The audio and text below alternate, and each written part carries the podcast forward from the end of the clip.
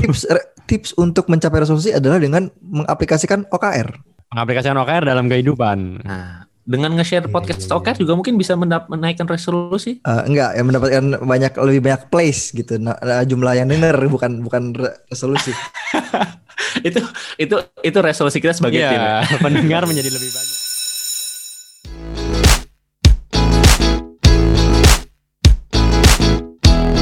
Selamat Halo tahun guys, baru. selamat tahun baru. Ayo, Selamat nyanyi dong, tahun nyanyi baru, dong. guys. Selamat tahun baru 2021. Tahun baru. Selamat ulang tahun, Pak. Selamat. Oh, salah salah. Ini Ram. Suara gue putus-putus nggak? Ram. Delay lu Ram. Berarti Rama delay sih. Nah, ini memang ini. Ini apa memang apa? eh, apa ini, coba? ini, Kayaknya ini ya, penuh ini penuh emosi. setiap tahun ada nggak sih lu yang resolusi yang pengen lu capai tapi dari tahun ke tahun Ngomongnya ambil dendam bang. Iya, gue yakin gue gue yakin lo dendam. Gue yakin lo emosi dendam. Apa tuh? Emosi nih suara gue jadi tersendak-sendak nih gara-gara satu hal ini nih resolusi gue yang tiap tahun tuh Apa, apa, pingin gue lakuin baik. Lo mau lalu apa? gue tuh udah beresolusi semoga dari tahun depan menjadi lebih baik setiap tahun gue telepon mbak internet saya lemot oh ya mas tunggu 10 detik silakan di restart oh Dari siap. tahun ke tahun solusinya sama. kemarin nih kemarin ada lagi gue mbak internet saya lemot bisa tolong nggak teknisi ke sini oh bisa bentar ya mas sorenya cepet banget kan wah senang gue cepet banget nih teknisi datang teknisi datang ke sofa main hp buka WhatsApp mas ini internetnya bagus-bagus aja Mas Dia numpang numpang Serius? streaming kali wah. num- saya numpang Oh, iya. nonton Mas dulu ya. WhatsAppnya. Iya. Pasportnya apa? dia numpang ini mas wifi-nya apa mas Dia nonton YouTube. YouTube. Jadi lo udah berapa tahun Ram udah kayak gitu Ram? kacau kacau udah empat tahun lebih gue Empat tahun Gitu aja. resolusi nggak berubah-berubah ya? gitu gitu aja Ya, Oke lah daripada makin makin makin aneh. Kalau yang lain resolusi gimana Ini coba? namanya konsisten jadi ciri khas itu nggak boleh hilang dari sebuah company itu lo, lo, lo, lo udah puas lo udah puas belum Ram? Udah keluar semua amarah lo udah ya? gue cek dulu ping gue seribu dua ribu tiga ratus ya udah lumayan lah tiga ratus lah ya Jadi lu mesti ngomel dulu baru ping lu lancar gitu ya. Oke juga nih ya. Complaint driven development ini. Oke, sip. Eh, tapi anyway, anyway, ini tahun baru kita harus harusnya have fun have fun nih. Ataupun kadang-kadang kita pinginnya menjadi seseorang yang baru. Wih, Terus Iya, jangan pada diem gitu dong. ya terus lah. Ya, terus lah ya kan kita nunggu. Oh nunggu. Ya menjadi Iya. seseorang yang baru. Kalau harapan gue adalah menjadi pribadi yang lebih baik. Ah, normatif. Itu makanya setiap tiap di akhir tahun bilangnya Eh, gitu. Ram, kan ini podcast namanya OKR, eh OKR. Ini kan dari objektif key result. Nah, objektif lu tahun 2022 tuh apa? Jangan menjadi yang baik. Yang baik tuh gimana definisinya? Apakah oh Hmm, eh, pemuda ya? yang baik hati adalah dengan yang punya internetnya cepat gitu? menarik sih. Kayaknya resolusinya Rama pokoknya paling utama internet Iya. gua cepet tahun depan. Koneksi internet. Tolong dong eh, support gua ya, Bapak Ibu. Internet saya di rumah lemot. Kayak ada yang dengerin aja. eh balik lagi, balik lagi, balik lagi. Gimana gimana? Kalau kalau lo gimana Ram? Lo ada keinginan ini nggak berubah apa eh, punya skill baru apa gitu? Gue pengen belajar ngobrol, ngomong, sorry Nah ngomong, ini kan lo ngomong, ngomong dan Public speaking maksudnya. ya belajar ngomong. Lo sama ngomong yang lo bermakna. sama anak gua aja ngomong yang belajar bermakna. ngomong. Anak gua juga lagi pengen belajar ngomong. Bisa barengan ya? Satu satu kelas ntar. ntar. iya makanya lo satu kelas aja. Anak gua umur 6 bulan dia lagi belajar ngomong, Ngomong Ram, Sama sama rekan kerja, sama bos atau sama calon mertua? Ah, ya. Eh, Atau Nah, atau lu beda-beda lagi nih. belajar ini public speaking. kok pabrik? Pabrik. Ya kan public, tapi ini disepesetin lu nggak ada yang mensupport joke gua apa? Kayak bukan kagak support, Gua tadi kagak ngerti. Gue tadi mikirin sound effect pabrik apa ya yang cocok, cuma gue gak nemu. Maaf, maaf. sama sama gue juga. Pabrik apa pabrik? atau atau ada ada apa nih Pak? Kok lawakan lu lagi agak aneh nih? Mungkin lu ada sesuatu yang mengganjal lu mungkin nih. Enggak, sebenarnya nggak nggak nggak ada yang mengganjal. Cuman kan biasanya kan kalau misalkan tahun baru itu pengennya ada hal baru atau atau apa? Hal yang improve lah untuk kita dapetin atau kita pelajarin. Nah, kalau apalagi sekarang kan masih di tengah apa di tengah ketidakpastian pandemi ini dengan ketidakjelasan yang segala macam, jangan apakah apakah misalkan itu jadi ngaruh nggak ya kira-kira tahun depan mau ngapain gitu? Hmm. Apakah semuanya Hmm. menjadi blurry? Misalnya kita ngomongin masalah uh, personal development lah gitu atau personal growth misalkan. Ya, ya. Oh, gue mau belajar uh, public speaking misalkan atau gue mau belajar coding dan Hmm. segala macam gitu. Dengan kondisi yang sekarang serba nggak jelas, apakah itu menjadi kita nggak berani untuk bermimpi atau nggak berani untuk belajar hal yang baru? Dan apakah resolusi tahun depan menjadi lebih realistis ketimbang yang Hmm, see, I fantastis. see. Ya kalau ya gue kalau ngeliat tahun ini tahun ini kan juga lumayan berat gitu ya maksudnya aneh gitu tahun tahun Tahun lalu, tahun, tahun tahun- lalu. oh iya tahun lalu. Tahun 2020 tuh tahun Ya. yang aneh gitu. Jadi i, mungkin gue jadi agak agak realistis tahun depan gitu. Mau, mau ngapainnya agak realistis dikit. Cuman tetap sih kayaknya gue cek cek demand skill kan tetap banyak gitu ya. Jadi kayak tetap mesti up skill juga siapa tetap naikin skill juga gitu. Hmm. Yang nggak tahu juga sih. Maksudnya cuma masalah kita nggak tahu bakal kerja di mana kira-kira gitu karena Iya dan kita juga nggak akan tahu yang tempat kita kerja sekarang masih Nah, survive nah atau enggak dia. mungkin gitu kan. Masih ada atau enggak Ma- kemarin eh gue datang di seminar dia ada yang ada yang ngomongin gitu ya. Kebetulan lu orang ikut katanya- seminar. kebetulan gue ikut seminar. Eh kita sekarang bahkan udah nggak di era VUCA jadi kita katanya sekarang dibilang di era tur- eh, turbulence. gitu. Kalau VUCA itu masih perubahannya ya masih cepat tapi eh, mungkin beberapa bulan gitu ya. Tapi kalau turbulence itu bisa perubahan drastis dalam satu malam gitu. gitu. Waduh. Jadi bisa bisa sengeri itu cuy gitu. Dan dan gua pernah baca juga di apa eh, laporannya McKinsey gitu ya. Kita itu sekarang eh, berdiri di dalam ketidakpastian yang mengerikan gitu.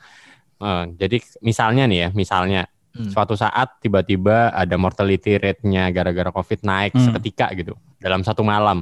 Itu pasti negara berhenti cuy gitu. Jadi negara itu pasti langsung langsung berhenti dan kalau eh, negara berhenti ekonomi berhenti gitu. Ekonomi berhenti ya perusahaan kita bisa langsung bangkrut dalam satu malam. Iya, iya. Jadi se- ini, ini kalau kita ngomongin eks- eh, ekstrim ya gitu. Makanya kan itu yang tidak eh, itu yang dijaga supaya tidak terjadi. Mhm. Makanya Tapi ya mungkin terjadi nggak- tuh. ngerti. Ya, mungkin, aja. terjadi di di iya Nggak ada di di nggak ada yang tahu gitu. Nggak ada yang nggak mungkin dan nggak ada yang tahu. Nggak, maksudnya Tapi based on his based on history gitu pernah nggak sih kejadian ekstrim Ada kejadian yang itu kejadian gitu yang yang terakhir eh, yang terakhir apa pandemi terakhir yang di flu Spanyol Iya, kan kayak gitu. Jadi di gelombang kedua itu tiba-tiba langsung jutaan orang meninggal. Itu langsung langsung berhenti gitu. Negara langsung tutup semua. gimana dengan kondisi yang ini? Apakah kita harus harus pesimistis kah atau Nah, gimana Ini- lebih realistis atau atau gimana? Atau perlu optimis? kalau yang di buku yang gua baca itu ada beberapa caranya nih buat ngadepin salah satunya. Bet- penuh kebetulan nih. Kebetulan baca, kebetulan seminar. Salah salah satunya adalah dengan eh, selalu mengupgrade Hmm, diri dengan skill-skill dan pengetahuan baru. Karena mungkin gitu ya, sekarang Didit nih, sekarang eh, misalnya eh, ahli di bidang front end gitu ya. Ketika tiba-tiba terjadi itu gitu dan ternyata yang ada available gitu, misalnya bikin podcast gitu. Ya udah, kita harus harus harus pindah profesi gitu. Jadi kalau misalnya lo punya skill banyak, ketika yang yang tidak diinginkan itu terjadi, kita punya banyak pilihan daripada kita cuma punya satu skill doang gitu. Jadi ya buat meningkatkan adaptasi. tapi hubungannya sama Spanyol kena gelombang kedua emang kalau jadi UI designer gitu jadi nggak kena covid gitu bukan, Pak. Bukan gitu. Pertama, flu Spanyol itu tahun 1916 kalau nggak salah ya. Berapa sih? Hmm. oh Awal- bukan awal- oh alah Bukan Ah, sekarang. ini gara-gara Oh, ini nih. Wah, ini- iya, iya. Ini nih Rama nih kurang kurang baca buku pintar ini kayaknya nih. Lu kurang kenal Iwan Gayo berarti dulu ya. Iwan Gayo. oh ya lanjut lanjut lanjut Ya, tapi Balik tapi intinya guys, mungkin balik mungkin poinnya ya mungkin poinnya lebih ke arah kalau apa mungkin resolusi tahun 2021 itu mungkin patternnya lebih ke realistis, lebih ke nyari hal yang kita gimana biar kita bisa lebih adaptif di tengah ketidakpastian. Hmm. Tapi bukan berarti kita apa kita terpaksa pesimis gitu ya, tapi Iya. lebih ke arah kira-kira Ya. apa nih hal baru mungkin bisa jadi di luar dari zona nyaman kita yang ternyata kita ngerasa itu jadi satu hal yang valuable yang kita bisa explore. Nah, kalau kayak gitu dengan tema yang seperti itu resolusi lu du- 2021 apa, eh, Ji? Gua sih kayaknya dari tahun ke tahun resolusi gua masih sama ya.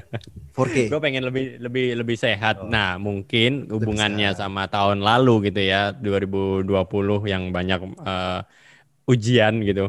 Eh, hari ini eh, apa tahun ini gua jadi tambah gitu. Jadi nggak cuma nggak cuma eh, olahraga, tapi juga mungkin rilis stres kali ya. Jadi lebih sehat dalam pikiran dan Hmm. eh, badan gitu. Re- resolusi lo segini apa emang eventual banget ya tahun depan lah apa emang ada kenapa sih harus resolusi tahun gitu loh kenapa nggak gue mau gua mau lebih baik daripada kemarin gitu Ya boleh aja sih, cuma kan biasanya kan manusia kan butuh penanda khusus kan buat kita udah sampai mana sih gitu. Momentum lah. Sayangnya kita manusia itu nggak Hmm. terlalu bagus dalam me- apa namanya me- mempersepsikan perubahan waktu. Makanya kan perubahan kayak kalender, hari, jam itu kan jadi apa? Jadi penting buat kita gitu.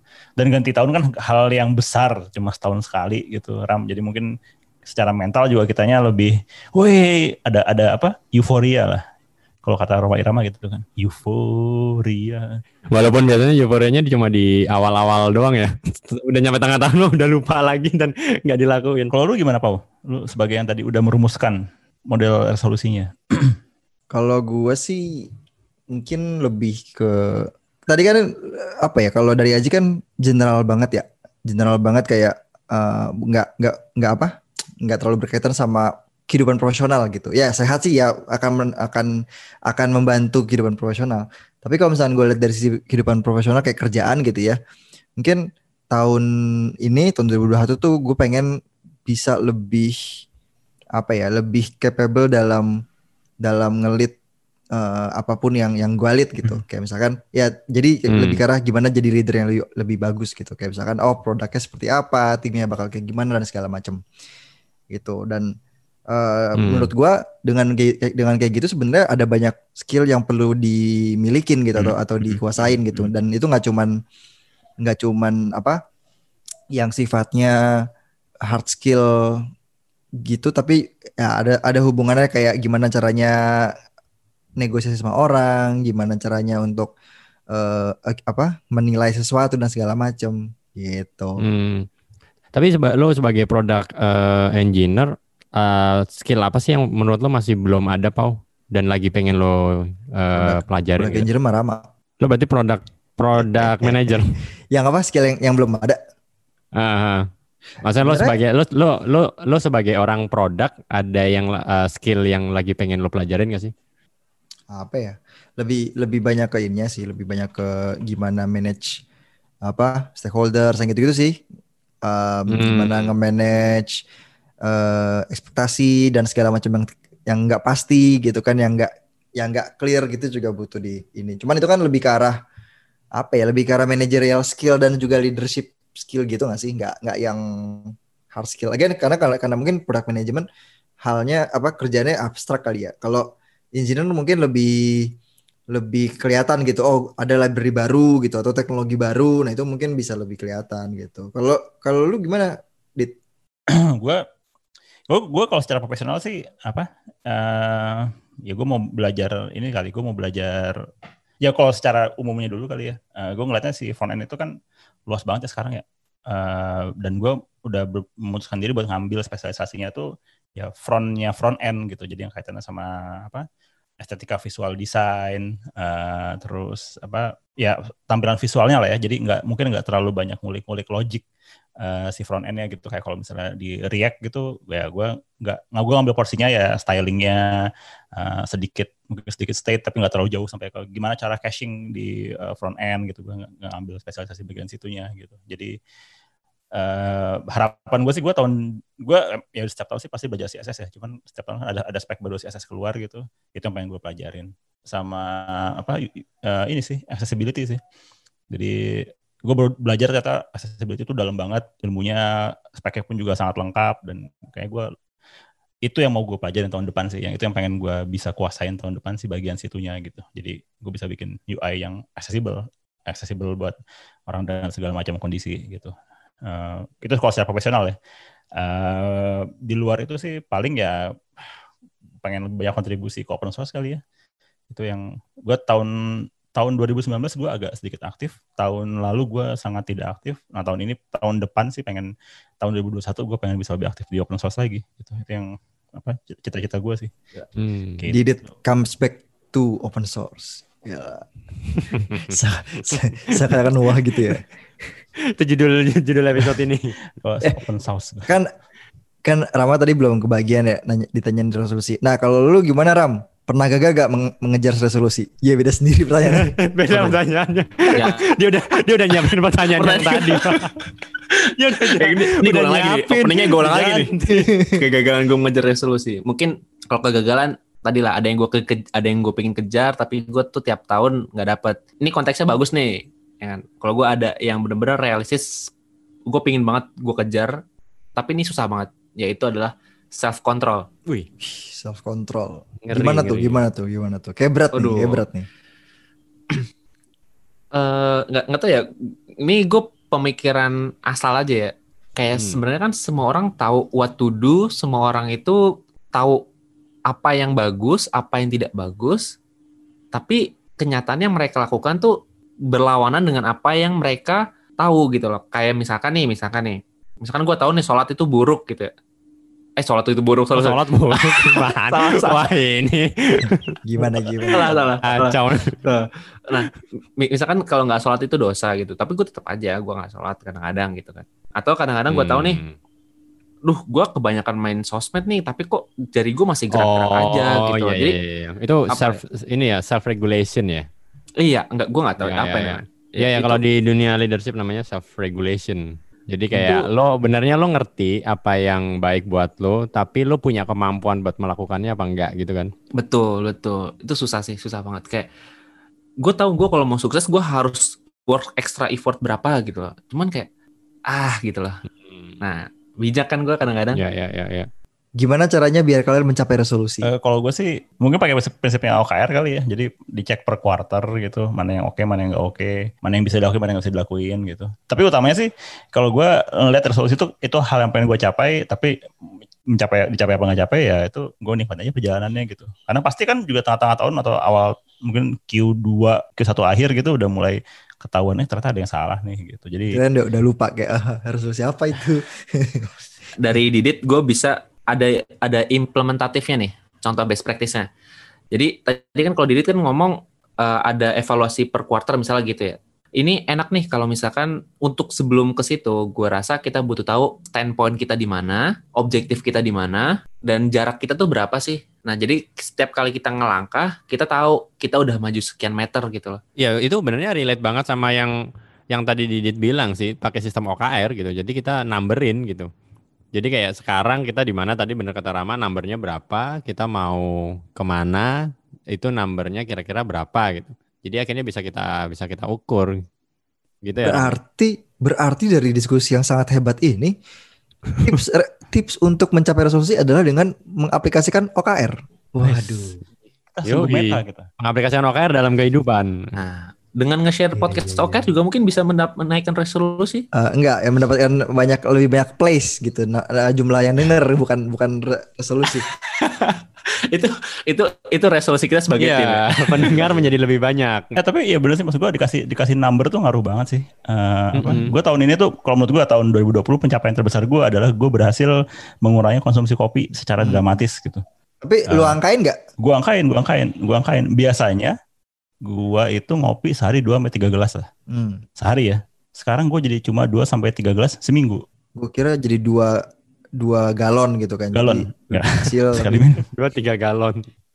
gitu. Jadi menurut gue dengan kita ngasih numbers gitu ya bisa jadi ngebantu sih buat kita ngelihat udah sejauh mana progresnya sih gitu. sebelum kita mau objektif objektifnya di, di detailin Iya, dulu iya. Iya, itu Itu dia, dia. itu dia. Itu dia. Nah, berarti dia. kalau gitu challenge-nya gini aja, Ram. Lu di 2021 OK- OKR lu apa? Nah, ntar kita review bareng-bareng. Nah, iya. Nah, setiap episode, setiap episode kita bakal soalnya Nah, soalnya gitu. kan gini, soalnya kan dari yang berempat ini kan tiga tiga ini kan sudah sepuh nih. Eh, A- Aji, Didit, gue kan udah lebih sepuh gitu kan. Senior, Kita pengen- senior, senior, senior. senior. Kita pengen eh, lu sebagai junior kita itu bisa kita gain gitu. Nah makanya lu perlu ada Nah. OKR. Wah, aduh manis sekali omongan anda pak kita kita pengen uh, lo itu sesu- sesukses kita gitu Ram. dan kita open Wah, source saya jadi sukses. kita open source jadi kita kita menjudge lo itu di open di di, di, di episode Iya. podcast. Iya, jadi Sedunia sedunia bakal denger. setiap setiap episode itu pasti akan ngebahas OKR lu. Iya. Kalau lu nggak nyampe segini, kalau lu masih nggak ngasih masih 30 nggak nggak 20 dan segala macam. Wah, Iya, gitu. Iya. Dan yang lain bisa ikut bantu Wah. kontrol gitu. Pendengar-pendengar yang lain juga ikut bisa ngebully bareng. jadi hid- hidup gue dikontrol terus ya di banyak yang ngomong tahu ya itu kuncinya. OKR. Ya, karena bikin resolusi itu menjadi satu hal yang lebih actionable adalah dengan punya semacam OKR atau atau simpel Hmm. ada angkanya gitu kan. Habis itu Ya, dari ada ya, angkanya benar. itu kita bikin action item. Tapi mungkin Mm-mm. biar nggak terlalu stres gimana ya caranya? Karena kalau misalnya kita mikirin oh ini ada tangga tanggalnya eh tanggalnya, nya dirasa jadi kayak target, abis itu Oh, jadi stres. iya, nah, iya, gimana iya. biar gimana biar nggak kerasa stres gitu? Atau kayak lu, Dit, lu kan mau ngurangin jumlah kopi gitu kan? Nah, gimana biar lu nggak stres gitu? Enggak, kalau gue balik lagi ke sistem OKR ya. OKR kan eh, bisa kita adjust gitu kan. Bedanya kalau mungkin kayak KPI setahun harus sama gitu. Maka kalau OKR kan sesuai dengan kondisi pasar dan kondisi customer. Jadi kan sebenarnya eh, Hmm. OKR itu kan lebih adjustable kan. Hmm. Jadi kalau misalnya target kita emang bener-bener susah, eh, bukan berarti jadi nggak dikerjain sama sekali gitu. Tapi Iya. diturunkan supaya bisa lebih dicapai gitu kan. Itu kan konsep Iya. OKR kan kayak gitu. Tapi pertanyaannya apakah lu nggak pernah stres ketika lu mengerjakan OKR tersebut? Gu- Gua rasa sih apa ya? eh, bedanya OKR sama KPI kan gitu ya. OKR itu mestinya justru lebih fleksibel sama keadaan saat itu gitu. Mm-mm, Sementara kalau. KPI kan lebih top down jadi ya ini mesti kecapai gitu. Jadinya apa menurut gua sih kalau OKR mestinya lebih bisa negotiable. Bukan berarti kita jadi bikin bikin bikin sasaran yang nggak bisa dicapai jadi kita punya alasan buat ah gua nggak tercapai ya ya udahlah gitu. Tapi justru kita lebih lebih ke melihat kalau OKR ini gua kerjakan dan sambil dikerjakan ini ada nggak sih impactnya gitu mungkin lebih ke situ kali ya. Jadi sama juga dengan target tahunan kita gitu. Eh Mm-mm. Kalaupun misalnya nggak tercapai, kita masih menikmati nggak sih ngelakuin itu gitu. benar, Lagi kalau kalau tujuannya self development ya, maksudnya sekecil apa pun yang kita lakuin tetap ada kontribusinya ke Benar, benar. Kayak misalnya tadi gue bilang, gue pengen lebih sehat. Ya. Mungkin di awal target gue harus set- setiap hari olahraga gitu. Tapi nah, set- setelah gue jalan sebulan, gue nggak happy. Ya udah, gue turunin aja jadi lima kali seminggu misalnya gitu. Ntar turunin lagi tiga kali seminggu, lagi sa- satu kali seminggu. jadi balik lagi di akhir tahun Oh. tetap aja nggak tercapai sama sekali. Turun terus. Nah, itu itu itu masalahnya. Gue mikirnya kalau kita ngelakuin apa se-fleksibel Enggak, berarti benar kata Pau tadi harus ada sistem kontrol kan. Jadi eh, harus harus oh, terbuka, harus transparan. Jadi ada eh, yang Oh, iya, ngingetin In, gitu. Iya, betul, betul, betul. Itu Ram. harus ada third party ya. Iya, Nah, itu tergantung. gitu. Tergan- tergantung idealnya ya idealnya iya tapi kalau misalkan enggak ya itu lebih ke arah gimana kita self control balik lagi kan ke arah self control itu Iya, iya. Pernah punya pengalaman tapi ini nggak nggak nggak hubungan sama kerjaan. Eh, itu adalah gimana caranya biar gua eh, lebih sehat gitu kan. Lebih sehat habis itu kayak gue merasa lebih happy. Jadi akhirnya gue memilih untuk olahraga gitu olahraga rutin. Nah terus akhirnya gue bikin target bener-bener yang eh, ambisius yang oke gue spend segini banyak upfront. Eh, itu gue nggak boleh mikir panjang tapi dengan kayak komitmen gue untuk eh, Hmm. Untuk olahraga gitu kan. Nah itu kalau buat gue kalau gue jadinya ternyata oh style gue adalah kayak gue semacam menghukum diri sendiri gitu. Kayak dari awal tuh gue di depan gitu ya. ya dihukum di, di depan Hmm. dengan gitu gue langsung mikir oh kalau gue nggak komit kebuang duit gue sekian gitu kan. Iya, Nah, iya, Iya, iya. iya. Itu cara ada salah satu cara kayak gitu atau itu kayak self controlnya adalah apa yang yang bakal jadi pain lu misalnya pain gue adalah buang-buang duit oke karena pain gue buang-buang duit gue akan bikin gue pain kalau gue melakukan itu gitu Atau mungkin yang namanya fitness itu sendiri goalnya terlalu abstrak gitu. Kan mesti diangkat juga gitu. Iya benar. Hari ini gue mesti bisa ngangkat dumbbell 10 kilo misalnya gitu. Ya ada olahraganya tuh, ada latihan gitu. eh balik lagi lebih ke itu ya eh, style kita mungkin cara Iya. cara kita tuh biar semangat tuh seperti apa sih gitu ya nggak sih Eh, mungkin ca- Iya. cara gue benar-benar masalah eh, uang yang terbuang mungkin kalau Didit lebih ke nggak tahu kalau gimana Dit? Gue lebih ke angkanya sih sebenarnya kalau gue apa, Oh apa ngelihatnya progres angkanya, angka gitu ya progres angka gitu. Heeh. Angka sih gua gua gua seperti sama uh, di gua gua lebih seneng kayak ngelihat ketika angkanya tuh growing jadi lebih semangat gitu. Hmm. Iya kan? Nah, jadi kayak iya, bener, wah kemarin bener. segini, Bener, bener, ini bener. segini. Nah, itu itu yang bikin happy itu. Itu yang bikin Iya. ini gitu. Ini sa- So, sama gua dengan soalnya gua gua orangnya gak bisa ditakut-takutin Pak Wes. Jadi Oh, kalau berarti takut-takutin uang uang hilang gitu Oke. agak agak susah gua.